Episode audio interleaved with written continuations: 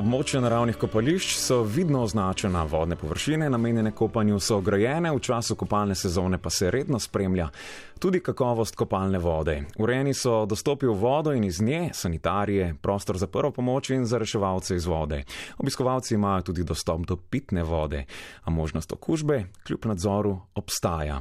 Tveganje zaradi prisotnosti mikroorganizmov fekalnega izvora pa se bistveno poveča na divjih kopališčih, kjer kakovosti vode ne spremlja nihče. O varnosti in ustreznem ravnanju v primeru okužb na naravnih kopališčih se je Boris Gajnar pogovarjal z Matejo Poje z Agencije Republike Slovenije za okolje in Majdo Pohar z Nacionalnega inštituta za javno zdravje. Mateja Poje vsako leto pred kopalno sezono, ki zdaj seveda že traja, spremljate mikrobiološko kakovost voda. Morda najprej pojasniva, kaj zajema monitoring in eh, kje ga pravzaprav izvajate.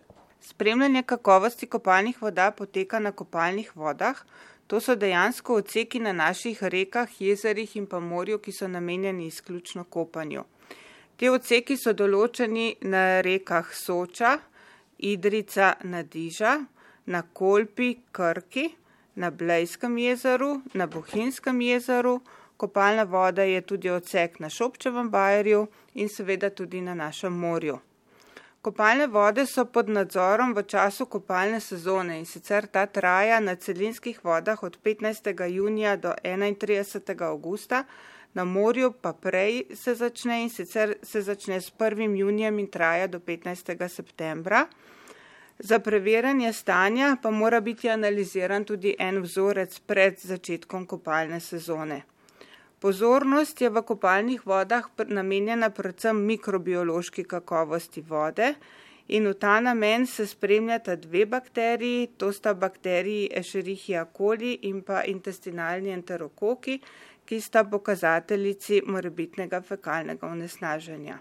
No, v skladu z zakonodajo je v Sloveniji 30 kopalnih območij in 18 naravnih kopališč. Nekaj ste jih omenili, eh, torej kopališč na rekah, eh, jezerih in morjih, ki ustrezajo kriterijem eh, z vso potrebno infrastrukturo. Kakšne so splošne ugotovitve? So kopališča varna?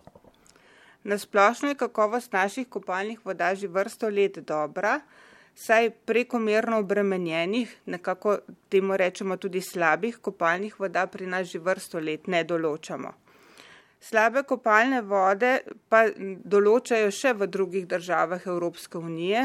Tako so bile še v letu 2018 kar nekaj kopalnih voda določenih kot slabih v Franciji, pa tudi v Španiji. Odlično kakovost naših kopalnih voda imamo predvsem na morju in sicer so vse kopalne vode že vrsto let razvrščene v razred odlično kar pomeni, da je bakterij v teh lokacijah minimalno.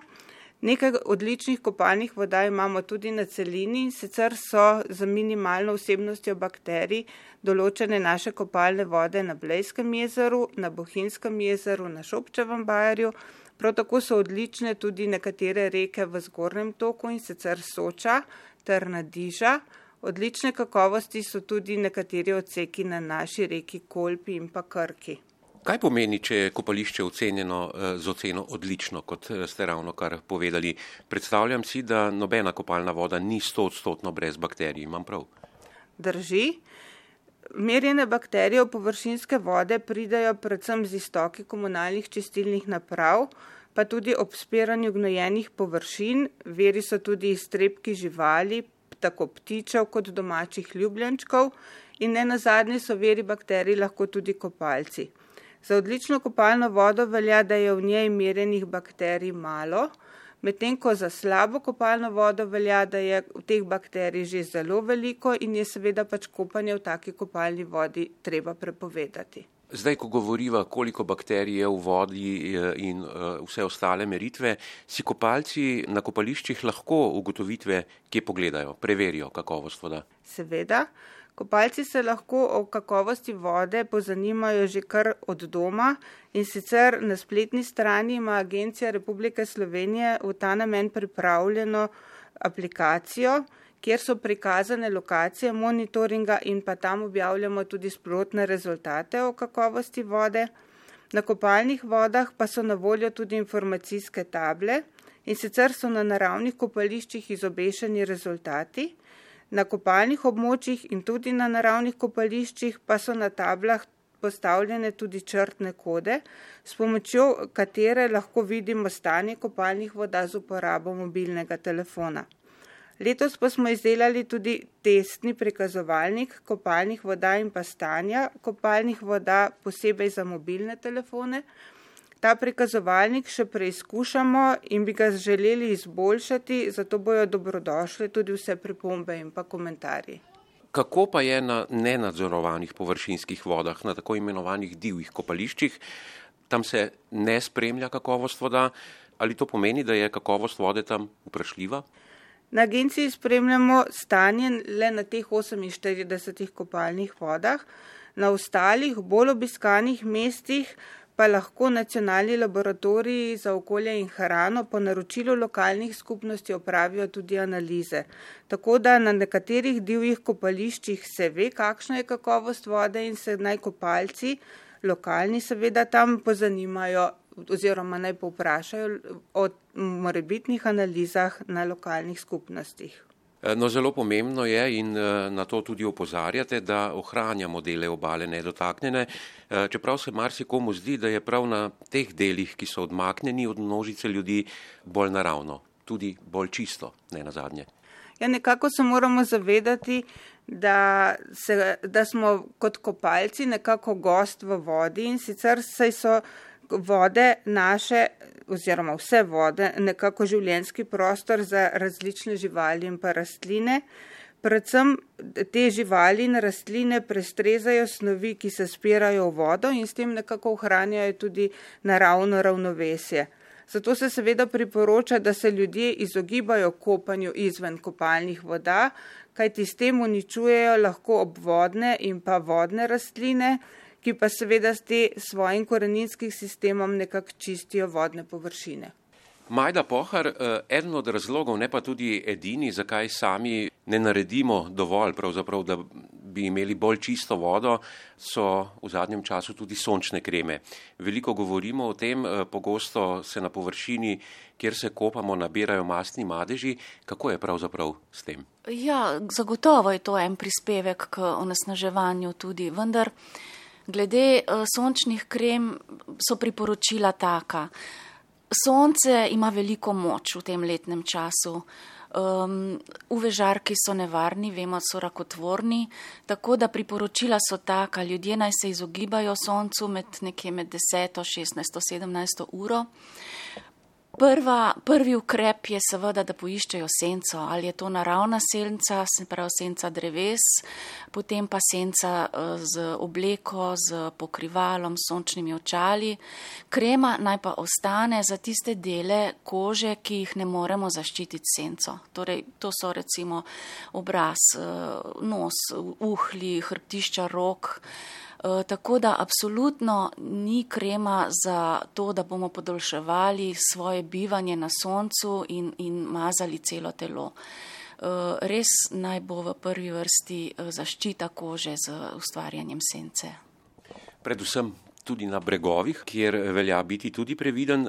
Zadnje čase opozarjate na okužbe z virusom miše mrzlice. Eh, začne biti aktualna nekje v spomladanskem obdobju, pa preko poletja, pa do jeseni. Tako da predvsem na divjih kopališčih, na teh eh, bregovih, kjer eh, niso urejene, je treba biti pozoren na mogoče, na morebitne kakšne znake, da so prisotni glodavci, najstrebke recimo. Um, Virus mišje mrzlice uh, se prenaša z iztrebki glodavcev. Človek se okuži na ta način največkrat tako, da vdihne in sicer um, ta virus je lahko v suhih uh, delčkih uh, iztrebkov in uh, z vdihanjem tega potem pride ta virus v telo in uh, lahko povzroči zelo hudo uh, infekcijsko uh, okužbo. Možna je tudi pot prenosa preko okužene hrane ali pa preokužen, eh, preko okužene vode. Najpogostejše je pa s tem, da vdihnemo delčke posušenega, eh, posušenih izločkov okuženih glodavcev. Predvsem na jezerih, pa tudi druge, seveda ljudje zelo radi uh, hranijo ptice, mečejo hrano v vodo, v kateri se pozneje kopajo. To ni priporočljivo početje, ne? Ne, to ni priporočljivo početje. Prvič eh, zato, ker s tem privabljamo še dodatno ptice. Ptice so sicer naravno prisotne na naravnih območjih, tudi kopa, kopalnih, vendar pa vemo, da so en, en vir onesnaženja kopalne vode, tako da s hranjenjem jih pač še dodatno privabljamo, poleg tega pa vnašamo še dodatna hranila v ta v jezero, recimo, eh, kar pa tudi ni dobrodošlo. No, odsvetujete tudi kopanje eh, po dežju. Takrat se lahko poveča mikrobiološka in eh, kemijska onesnaženost vode. Kaj se takrat z vodo dogaja? Po dežju oziroma med dežjem prihaja do večjega spiranja teh zalednih površin. Eh, površine v zaledju kopalnih voda so lahko recimo kmetijske ali pa prometne ceste, pločniki, asfaltirane površine. Tako da dež to masovno spira in uh, po takih nalivih, po deževnih obdobjih lahko pričakujemo večjo onesnaženost vode. Katere pa so tiste najpogostejše okužbe na naravnih kopališčih? Nekaj sva jih že omenila, morda še kakšna, ki izstopa? No, najpogostejše okužbe, ki, se, ki so povezane z kopanjem, so eh, okužbe zaradi prisotnosti uh, mikroorganizmov fekalnega izvora. Najpogosteje gre za kakšne okužbe uh, prebavil, torej gastrointestinalne okužbe. Te se kažejo z temperaturo, lahko z bruhanjem, z drisko, z bolečinami in krči v trebuhu. Potem so tudi okužbe recimo sečnih poti ali pa dihal um, sluhovoda, ušes, um, lahko tudi oči, očesnih sluznic. Možno je tudi uh, prisotnost um, poleg bakterij, uh, ki povzročajo te najpogostejše okužbe uh, prebav, prebavil, so možno prisotni v kopalni vodi, ki je fekalno nesnažena, tudi kakšni virusi, celo um, paraziti. No, med virusi bi omenila recimo uh, virus uh, hepatitisa uh, A in E, zlatenice. Tako da um, je cela vrsta teh mikroorganizmov, ki je lahko prisotna ob fekalni onesnaženosti vode. Um, Je pa res, da je večina teh okužb uh, ni, ne poteka v hudi obliki. To so običajno blage okužbe, tudi same izvenijo v nekaj dneh. Tako da večinoma ljudje niti ne iščejo uh, pomoči pri zdravnikih. Um, zelo redko so pa možne tudi težje, težje oblike. Morda za konec še tole, od česa je uh, odvisna koncentracija mikrobov v vodi. Gotovo nekaj pripomore tudi temperatura. Raje izberimo hladnejšo vodo ali bolj toplo? Težko rečem. Zelo pomemben faktor je zaledje kopalne vode. Kaj se v to vodo izceja, kaj se spira.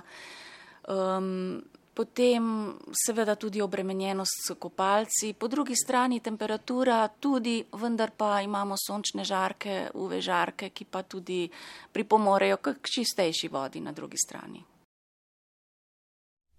Sogovornici Borisa Žgajnerja sta bili Mateja Poje z Agencije Republike Slovenije za okolje in Majda Pohar z Nacionalnega inštituta za javno zdravje, ki dodajata, da lahko za varnost na naravnih kopališčih največ storite prav sami. Zato previdno, opozorila z napisom na lastno odgovornost pa tudi niso odveč.